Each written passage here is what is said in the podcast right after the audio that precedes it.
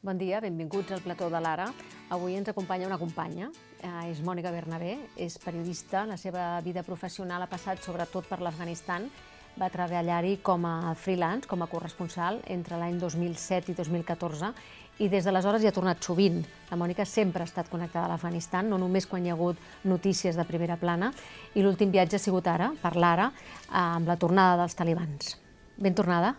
Gràcies. Acabes d'arribar. Tu tenies permisos per viatjar justament just abans que caigués eh, Kabul. Tu esperaves que això fos tan ràpid? Doncs la veritat és que jo crec que ningú s'esperava que el govern afganès caigués de forma tan ràpida ni que els talibans arribessin a controlar tot el país. Eh, fins i tot, eh, jo vaig entrevistar pel diari Ara el, el periodista i escriptor Ahmed Rashid, que és l'autor del llibre eh, Els Taliban, que és a dir, més que ell ningú no coneix eh, aquest moviment islàmic, i ni ell s'imaginava que els talibans arribarien a fer-se, eh, arribarien a controlar el país en tan poques setmanes. Llavors, la veritat, va ser una sorpresa. En aquell moment eh, es va congelar el viatge perquè van, ens vam quedar sense vols comercials, no? i vas reprendre el viatge poc després, quan els talibans ja havien ocupat tot el territori, i vas aconseguir arribar per carretera. Uh -huh. Sí, com bé dius, la idea era arribar a Afganistan en un vol comercial, perquè hi havia vols comercials diaris que arribaven a Afganistan, Eh, però bueno, mm, aquell vol es va, es va cancel·lar eh, i llavors eh, vaig estar diversos dies esperant aconseguir entrar per un altre vol, però no, eh, actualment eh, els vols internacionals continuen suspesos, només hi ha un vol d'una companyia afganesa, però val un dineral, eh, són 1.350 dòlars un trajecte de 40 minuts, només de nada, Eh, I llavors eh, les, les fronteres terrestres estan tancades excepte per als periodistes estrangers i algun cas excepcional. Així és que jo vaig entrar per carretera des de Pakistan. I com va anar el viatge? Ah, doncs eh, l'entrada que et posava més pegues va ser als pakistanesos, no pas als talibans eh, per entrar dins de, del país. Eh, és el que en van tenir més temps retinguda a la, a la frontera. Un cop passat al costat pakistanès, els talibans, la veritat és que va ser mirar-se el, el passaport i deixar-me passar, ni me'l van segellar, perquè no tenen encara segell oficial per segellar-te el passaport.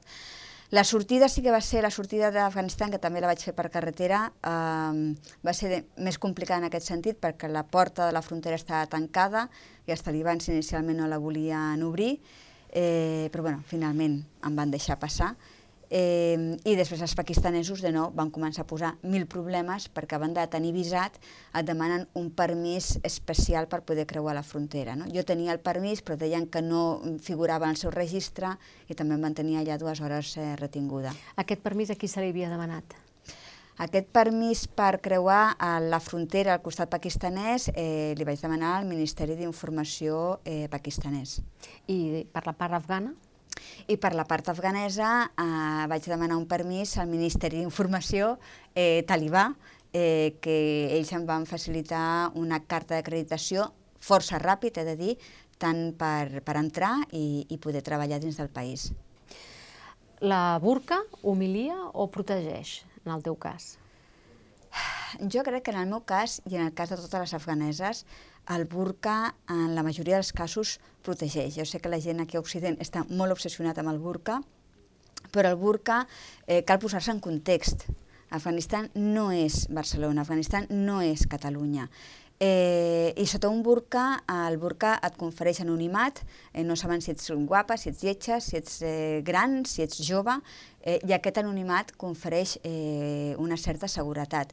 Um, posaria com a exemple, com aquí, les dones, quan tornem a casa de nit de matinada, eh, possiblement si ens preguntem com estaríem més, ens sentim més segures, si portem una minifaldilla o si portem uns pantalons. Lògicament, si ens volen violar, ens violaran igual amb pantalons o amb minifaldilla, és igual però psicològicament ens sentim més segures si de matinada hem de tornar soles i anem amb pantalons.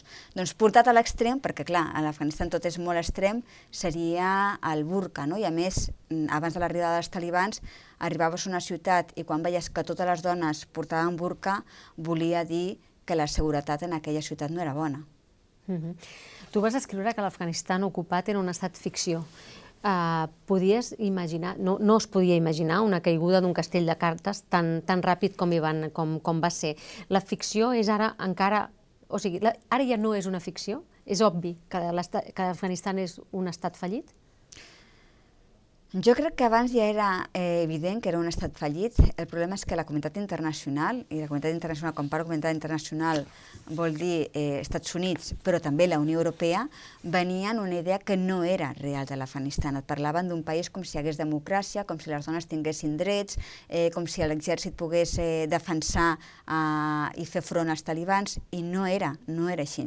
I vivint allà era evident que no era, que no era així. Eh, ara potser ens ha quedat molt més clars perquè ara no tenim ningú que ens vengui aquesta pel·lícula, no? Eh, I a més un país en què la impunitat és generalitzada, la gent està en mans dels talibans que poden fer el que vulguin, eh, i a més que gairebé no hi ha presència estrangera. Totes les, uh, totes les ambaixades occidentals estan tancades, eh, i el que he dit abans, les fronteres estan tancades per als afganesos i les afganeses, eh, per tant, estan una mica a la, a la sort de, del que vulguin decidir els talibans. Tornem a, al, al viatge, a la, cosa, a la cosa concreta. Tu passes en un, en un cotxe amb persones conegudes, amb un burca per, per passar més desapercebuda. Què és el primer que, que trobes a faltar o que trobes diferent en un Kabul que tu coneixes prou bé? A veure, jo vaig posar-me el burca per entrar eh, al país perquè jo tenia també el record dels anys que he estat vivint eh, a l'Afganistan, en què tots els viatges per carretera que jo havia fet els havia fet en burca perquè em conferia eh, seguretat. I de fet, el viatge que vaig fer ara, des de la frontera de Pakistan fins a Kabul, eh, amb el burca, els controls ni ens, van, ni ens van parar. O sigui, quan veien que havia una dona amb burca, eh, ens deixaven passar. No? El fet de portar una dona dins d'un cotxe, diguem, és com un salvaconduït a l'Afganistan, és així, no? Eh, la situació ha canviat radicalment en termes de seguretat.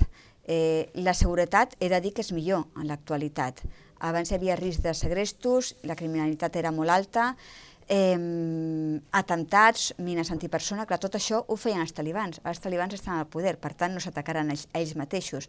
Lògicament la seguretat ha millorat en aquest sentit. Després també els càstigs que han anunciat els talibans d'execucions públiques, amputacions de mans, eh, clar, això també ha fet baixar la criminalitat perquè la gent té por de, de les possibles conseqüències. No? Eh, per tant, en aquest sentit, m'ha resultat més fàcil treballar ara que quan jo treballava amb l'anterior govern afganès perquè la situació de seguretat era, eh, era pitjor. No? Eh, canvis que he notat? Eh, bé, a simple vista, sempre com la ciutat Kabul mm, no hi hagués gaires canvis. Sí que hi ha menys trànsit, eh, sí que no hi, ara no hi ha controls policials, perquè abans hi ha controls policials que controlaven els cotxes cada, cada cantonada gairebé, ara això també et facilita el moviment. El que sí que veus, eh, doncs, eh, un canvi, per exemple, simplement la manera de vestir de la gent, no? Eh, les dones, no veus dones amb burca gairebé a Kabul, però sí que eh, moltes noies joves que abans anaven amb texans i amb una camisa sobre, per sobre, per sota del cul, eh, ara la majoria porten una mena de, de doncs, d'abric per sobre, no sé com es, es diu xapan en, en, en afganès. Com una gabardina, no? Com una mena de gabardina que cobreix tot el cos i per tant no marca les formes de, del cos. Això és el que s'ha diguem generalitzat, el que impera actualment a Kabul entre les dones. I els homes és molt curiós perquè abans eh, molts homes, sobretot els que treballaven a l'administració, portaven eh, vestit amb corbata uh -huh. eh, i ara és molt difícil veure algú amb vestit. Tots porten el xagual camís, que és aquest vestit de camisa ampla i pantalons bombatxos eh, típics dels musulmans. No? És que hi ha hagut un canvi que vol dir que la gent s'intenta adaptar a la, nova, a la nova situació. I després, lògicament, et trobes amb els vehicles, eh, antics vehicles policials que ara van els talibans amunt i avall, cada dos per tres estan passant, eh, i després de pots trobar-te, doncs jo que sé, en un vehicle civil normal i corrent, mm, homes vestits de civil, però que van amb Kalashnikovs, no? Això abans no t'ho trobaves, no? Gent de civil i que vagi armada, no? Eh, I ara és habitual trobar-t'ho a, a Kabul. Uh, deies, els talibans no faran atemptats, uh, però també hi ha l'ISIS i hi ha tensions entre aquests grups uh, islamistes. Creus que això pot anar més? Eh, bé, l'ISIS, l'estat islàmic, va atemptar a l'exterior de l'aeroport de Kabul uh -huh. quan s'estava fent l'evacuació i precisament diumenge passat va protagonitzar un altre petit atemptat a, a Kabul. No? Uh -huh. eh, això posa en evidència que posaran les problemes als talibans per, per diguem, fer-se amb el control total del país. No? Són grups rivals eh, i jo crec que serà doncs, un problema afegit a tot el desastre generalitzat a l'Afganistan. La, els talibans, clar, el que intenten és mantenir la seguretat perquè el fet de que no hi hagi atemptats els dona una bona imatge, no? Com uh -huh. dir, des que nosaltres hem arribat, mireu que bé està l'Afganistan, no? Uh -huh. eh, I a més ho veus, no? A la zona de l'ISIS, que és la zona és del país on es concentra l'estat islàmic, trobes molt més controls dels talibans a, les, a la carretera, per exemple, perquè estan intentant localitzar possibles terroristes. Uh -huh. A Kabul, als ciutadans, els hi fa més por els talibans o l'escassetat? Hm. Bona pregunta. Mm, eh, els talibans és, eh, eh, equival a escassetat, no? es podria dir. Eh, des de que han arribat els talibans, eh, la crisi econòmica és brutal al país. No? Molta gent ha perdut els, eh, la feina, Eh, les reserves internacionals de l'Afganistan estan eh, congelades, per tant no arriba diners, els bancs estan quedant sense efectiu, hi ha una mena de corralito, eh, per tant mm, la gent no sap com podrà sobreviure. L'hivern s'apropa, eh, sobretot a Kabul l'hivern és molt, molt fred, estem parlant de temperatures de 10 i 15 graus sota zero, eh, en una ciutat on falla molt l'electricitat, eh, la gent té por de l'arribada de l'hivern, què, passarà, no? Mm, per tant, jo crec per, per un igual, gairebé, per un igual. I els empresaris també tenen por que no poden fer transferències internacionals i per tant no poden comprar matèria primera per treballar, no? Sí, exactament. De fet, eh, a la ciutat de Herat, que és una ciutat que està al nord-oest d'Afganistan i que jo explicava un article de l'Ara, allà hi ha un polígon industrial que seria com un, un, uh -huh. un dels petits, mm, diguem, miracles econòmics de l'Afganistan, eh, i està tot de capa caiguda perquè els empresaris no poden fer el que comentaves, transferències internacionals, per tant no poden comprar primeres matèries i han hagut de reduir la producció. Conseqüència, han fet fora un munt de gent però jo vaig visitar diferents fàbriques i et deia, no, no, és que la setmana passada vam acomiadar 100 persones, tal qual, sense, sense miraments, no? Per tant, la situació és eh, molt dramàtica en aquests sentits de, de les moltes persones a les quals has parlat i les quals has vist, hi havia dues que em van cridar molt l'atenció, sobretot per la contenció de com estaven escrites les cròniques. Qui són Sohail i Farsihan? Mm. Sohail i Farsihan doncs, eh, són dos germans, una nena de 4 anys i un nen de 10 anys, eh, que me'ls vaig trobar de casualitat. De fet, anava a fer un altre article i en en un d'aquests, eh, diguem, hi ha, eh, bueno, a, a Kabul, encara que hi hagi menys trànsit, encara trobes doncs, llocs on hi ha tascos de, de, de cotxes, i me'n vaig trobar, em va cridar l'atenció la nena, perquè és una nena de 4 anys, Eh, a més, a Afganistan la majoria de nens són més baixets, més baixets que aquí, perquè l'alimentació és molt pitjor i, per tant, els nens encara que tingui 7 anys, o 6 anys són molt baixets, clar, una nena de 4 anys és que semblava una nena de 2 anys aquí, perquè us fa una idea, no? Entre mig dels cotxes eh, demanant, no? I jo vaig pensar, jo això no ho havia vist mai, una nena tan petita entre mig dels cotxes demanant, no? I vaig dir, però aquesta nena d'on surt, no? I llavors vaig dir, para el cotxe i vaig a, a parlar amb la nena, no? Eh, la nena, doncs, eh, clar, ella va dir que parlés amb el germà gran, que ella no, ella no tenia la culpa, no? I un cop vaig localitzar el germà, li vaig dir on estaven els seus pares i li vaig demanar que m'acompanyés a casa d'on està la seva família. Vaig parlar a la seva mare i bé, era una família de desplaçats del nord de l'Afganistan que havien fugit per la guerra en el moment que hi havia enfrontaments al mes de juliol entre els talibans i les forces de seguretat afganeses i havien arribat a Kabul perquè en aquell moment Kabul era l'únic mm, lloc segur on que, no, on que no estaven els talibans i ara s'havien quedat a Kabul perquè és que no podien tornar perquè no tenien diners eh, per tornar. Eh, una família, doncs, mm, un dels molts exemples de famílies afganeses, no? la dona amb zero formació, que l'havien casat als, als 14 anys, que ja tenia, tenia, crec que eren 22 anys, ja tenia ja quatre criatures, eh, i que tampoc li va donar massa importància que una nena tan petita estigués pidulant pel carrer, va dir, és que si no, com sobrevivint, no? Eh, i, I és cert, és a dir, no tenien res per sobreviure, no? Eh, però bé, és un drama més de, de la situació de desestructuració social total que hi ha, eh, que hi havia i encara més ara que hi ha a l'Afganistan. Suposo que una, un dels equilibris eh, imperfectes durant l'ocupació eh, nord-americana era la millora de la situació de les dones, però a l'Afganistan, si algú perd sempre, és la situació de les dones. En aquest sentit, eh, què és el que has respirat? A veure, les dones a l'Afganistan mai no havien tingut eh, drets com nosaltres mm, tenim aquí com a dones, no?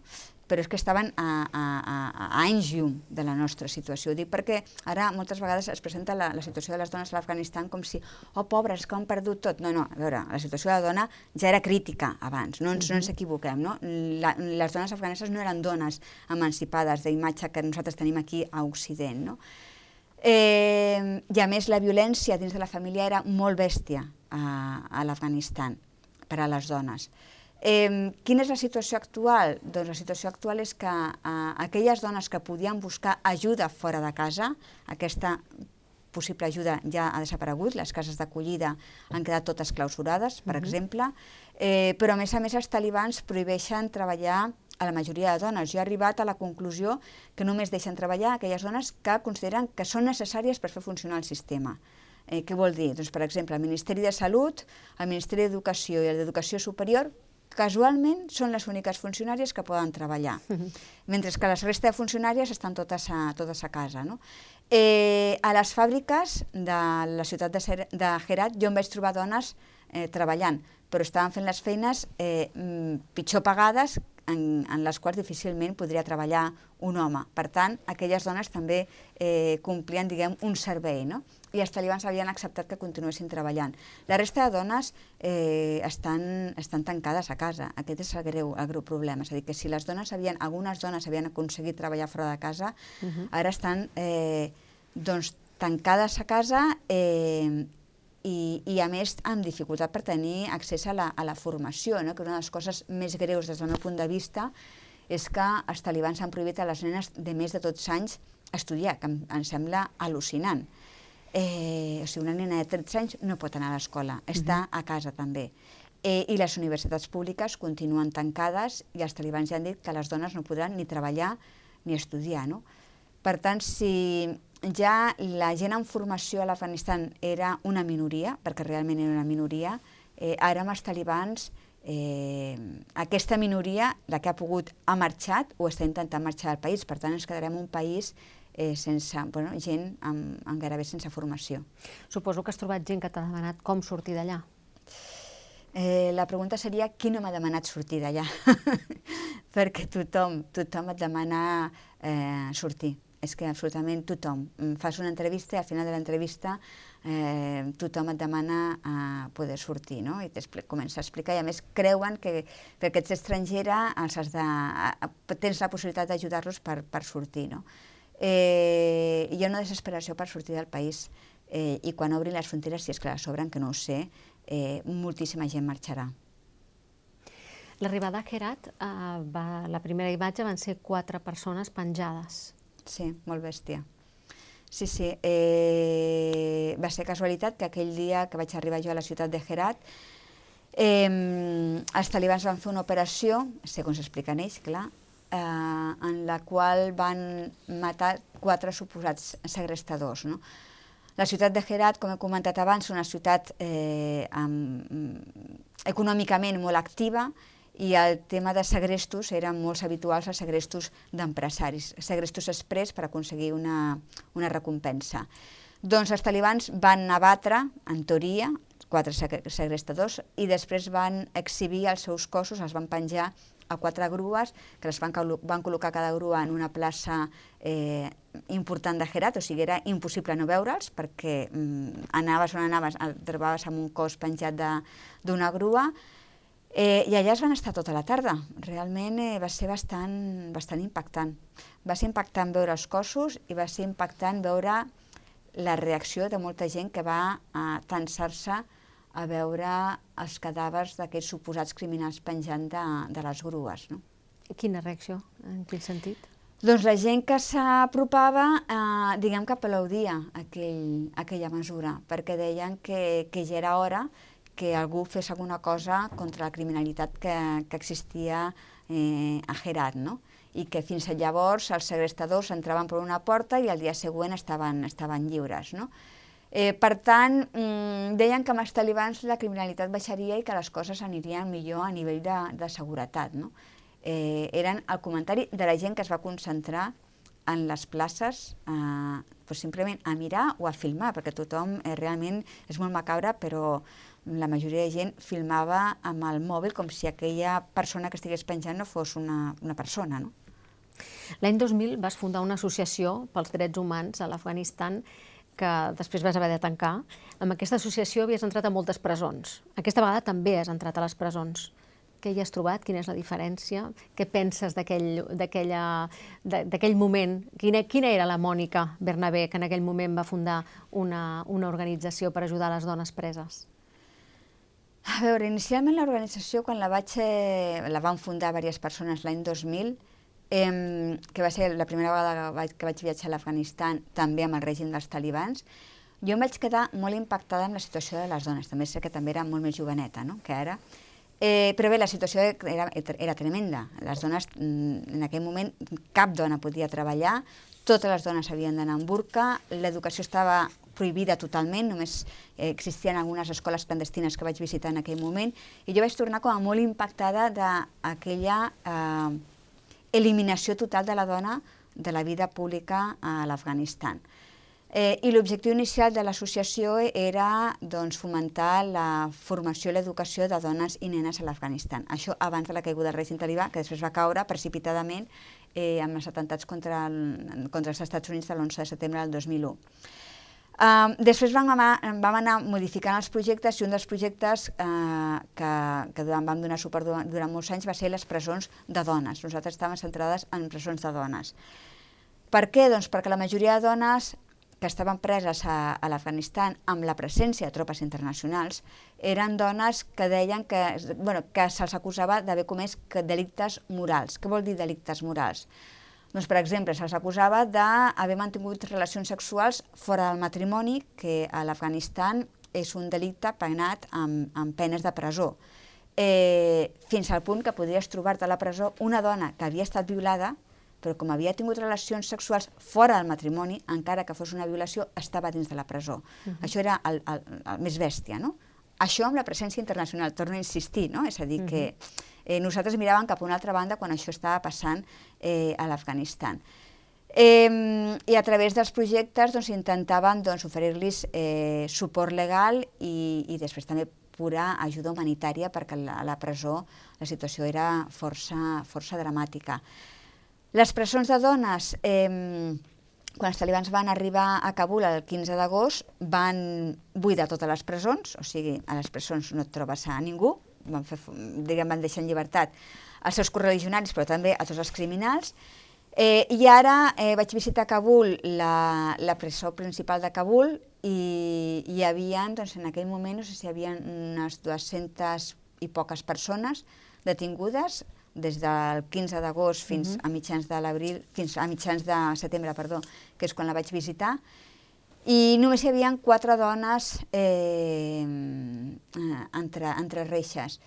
Aquestes quatre dones doncs, les acusaven a les quatre d'haver fugit de casa del seu marit, no? perquè eh, a l'Afganistan també amb la presència internacional, si una, si una dona eh, fugia de casa del marit, el marit la podia denunciar i la policia la podia detenir i podia acabar a la presó, a no ser que tingués la sort d'aconseguir arribar a una casa d'acollida eh, i llavors allà sí que l'ajudaven per evitar que estigués en una presó. Ara les cases d'acollida no existeixen, eh, per tant aquestes quatre dones eh, deien que les havien delatat els propis marits eh, i que estaven a la presó per això durant el temps que tu vas ser corresponsal i d'alguna manera ara també quan s'ha intentat tornar a entrar al país has coincidit amb un desplegament de tropes espanyoles. Hi ha hagut països que han comptat amb el suport eh, alguns periodistes perdó, que han comptat amb el suport dels seus països, per exemple, per tornar, per entrar a l'Afganistan. Quina és la teva experiència? Bé, des del diari Ara, com bé saps, nosaltres vam demanar eh, poder arribar a Afganistan en un dels vols militars eh, que el govern espanyol mm, diguem, va, va habilitar per, per evacuar gent Eh, I la resposta era que no hi havia lloc, no? No n'hi havia... És a dir, que el meu lloc era per una persona que pogués ser evacuada, que lògicament és molt respectable, però per arribar eh, m'imagino que l'avió anava, anava buit.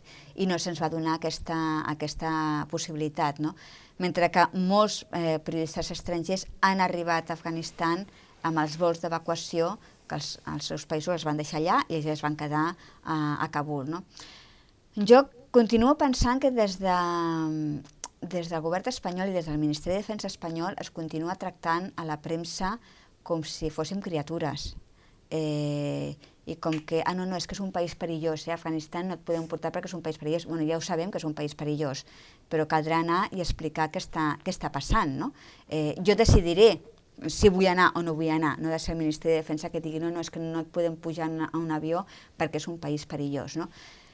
Clar, això ho comentàvem amb els col·legues. Quina és la conseqüència? Doncs la conseqüència és que com no arribes amb un avió militar, t'has de buscar la vida i arribar uh, per una via que moltes vegades és molt més perillosa que si haguéssim arribat en un, en un simple avió militar. No?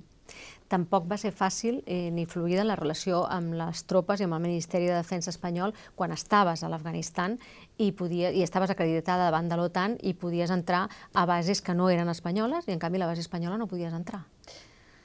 Doncs sí, entre el 2007 i el 2012, eh, com bé dius, jo estava acreditada, podia entrar a les bases de qualsevol país amb tropes internacionals desplegades a Afganistan, excepte a, la, a, la, a, la, a les bases espanyoles.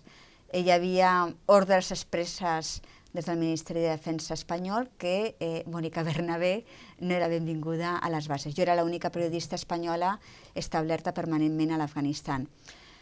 Em vaig arribar fins i tot a trobar eh, en, en un cas en què jo estava fora de la base, dins de la base en aquell moment estava la ministra de Defensa, Carme Chacón, que havia arribat amb, jo què sé, amb una quinzena de periodistes des de Madrid que havien arribat en avió dins de la base i estaven allà 24 hores, estaven els periodistes arribats de Madrid eh, dins de la base i jo era l'única periodista que estava permanentment a l'Afganistan i estava fora i no, i no em van deixar entrar. No?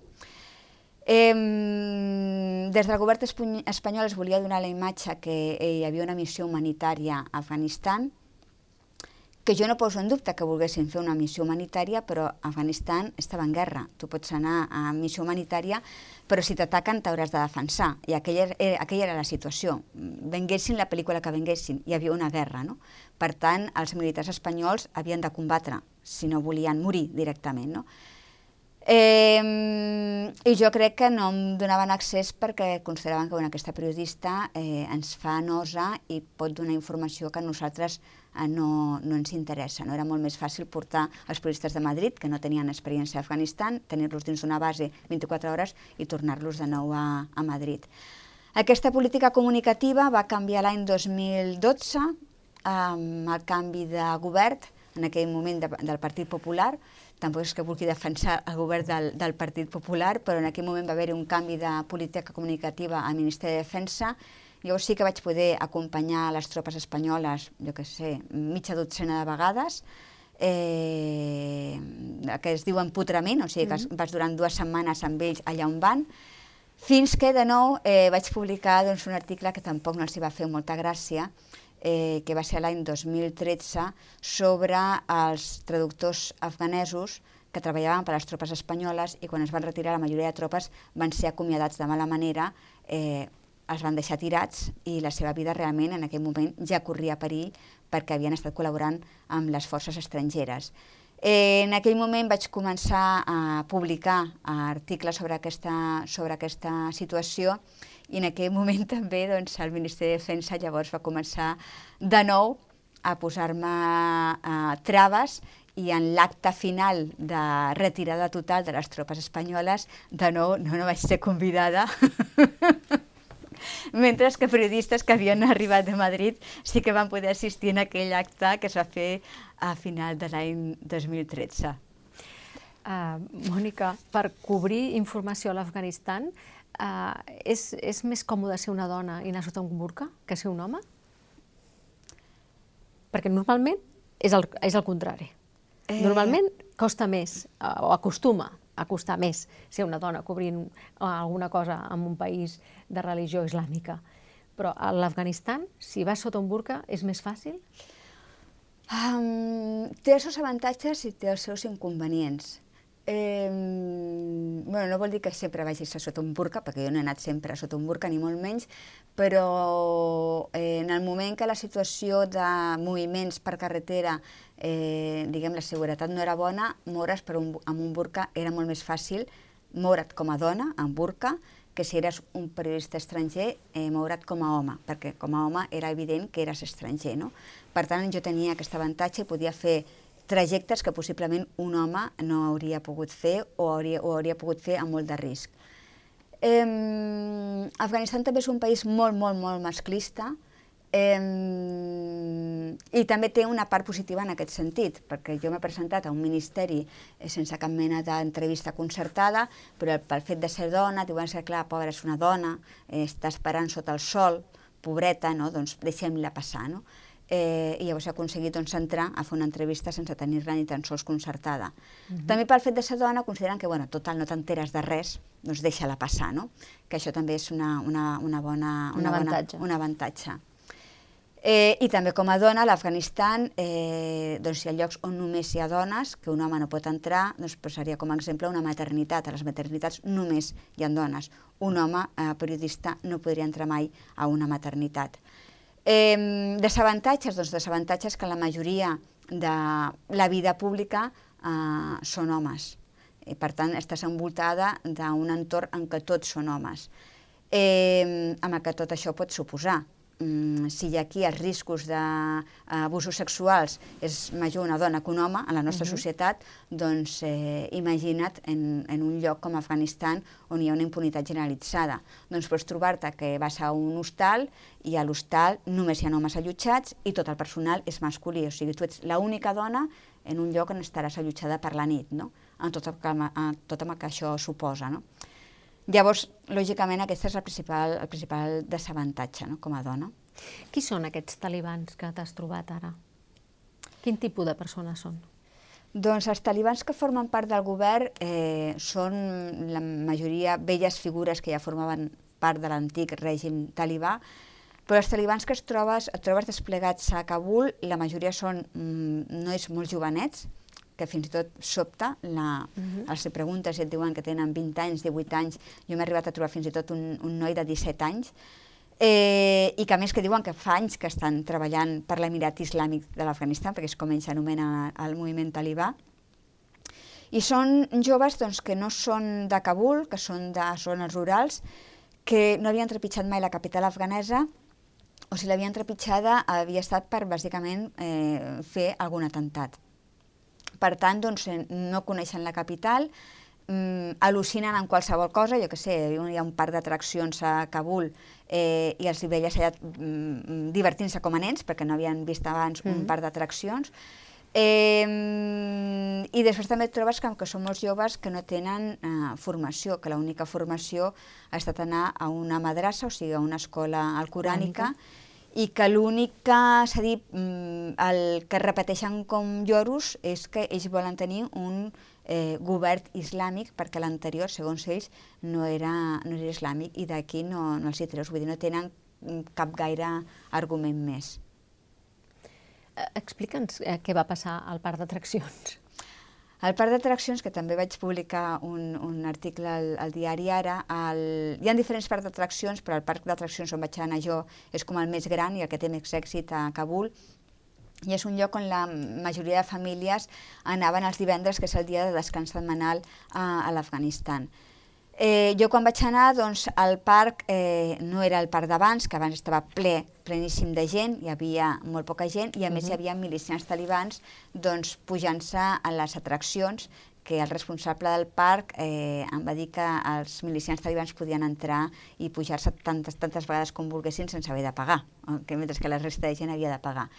I llavors doncs, el que feien era doncs, actuar com nens i, i, i fins i tot monopolitzar algunes de les atraccions que podien estar ells allà en aquella atracció i no deixaven pujar a ningú, a ningú més. No? Eh, clar, la gent s'ho mirava, la gent espantada, perquè deia, clar, amb aquest panorama, qui puja ara una, a una atracció, no? Eh, a més, famílies que anaven doncs, amb, amb nens o amb, o amb gent, o gent jove, no? Eh, I després també els talibans, clar, en algun moment que es van pujar en determinades atraccions, doncs la gent intentava filmar-los perquè realment l'estampa era mm, al·lucinant, no? Eh, i llavors es posaven violents quan algú intentava filmar-los amb, el, amb el mòbil. No? És a dir, tenia les dues cares, no? la cara dels talibans com a nens, jugant com a nens, i que de, de cop i volta eh, podien agafar una arma i dir-te, escolta'm, eh, per què estàs filmant? No? El més perillós d'aquest viatge, d'aquest tipus de viatges, d'aquests països, és aquesta imprevisibilitat del que pugui passar, de quan et pugui sortir qualsevol amb un Kalashnikov, com deies abans, d'un cotxe? Doncs jo crec que sí perquè clar, lògicament no ho pots tenir tot eh, controlat, pots anar, pots anar moltes mesures de prevenció, però això és totalment eh, incontrolable, no? Eh, mm, no sé, a la frontera, a la frontera de sortida, a talibà de la porta, el que tenia la porta tancada, eh, estava amb un Kalashnikov i també amb, un, com una mena de bastó així, que amb els que sí. eh, colpejava la gent, no? Llavors, eh, clar, jo em vaig apropar i vaig dir, escolta, que jo soc estrangera, no em colpegis, no? Eh, però tampoc no es va mostrar molt amigable. Em va cridar i em va dir que anés cap allà eh, i em va tenir una estona esperant. Lògicament no em va agradir, eh, perquè a més ara els talibans estan intentant donar una bona imatge internacional eh, i això queda evident en el tracte a la premsa, però bé, mm, aquell home d'entrada no em va rebre de molt bones, de molt bones maneres, no? per tant, no saps ben bé com pot actuar la persona que tens al davant i que, i que no deixes d'estar armada.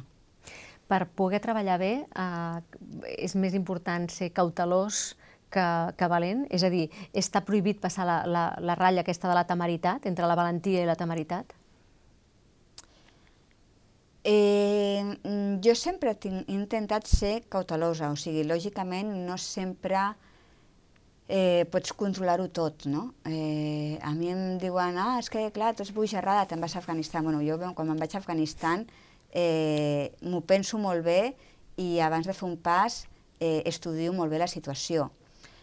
Eh, jo si entro per carretera a Afganistan no anunciaré mai a les xarxes socials ni anunciaré a la, a la majoria de gent demà me'n vaig a Afganistan, perquè sé que en aquell viatge em puc trobar pf, molts imprevistos, encara que la situació de seguretat en teoria pugui ser bona. No? Eh, no sé, potser perquè he viscut molt temps allà eh, i m'he acostumat, ja ho tinc com a forma normal en el moment de, de moure'n dins del país, doncs de tenir moltes coses al cap eh, i què és convenient fer i què no és convenient fer. No? Coneixes els codis socials?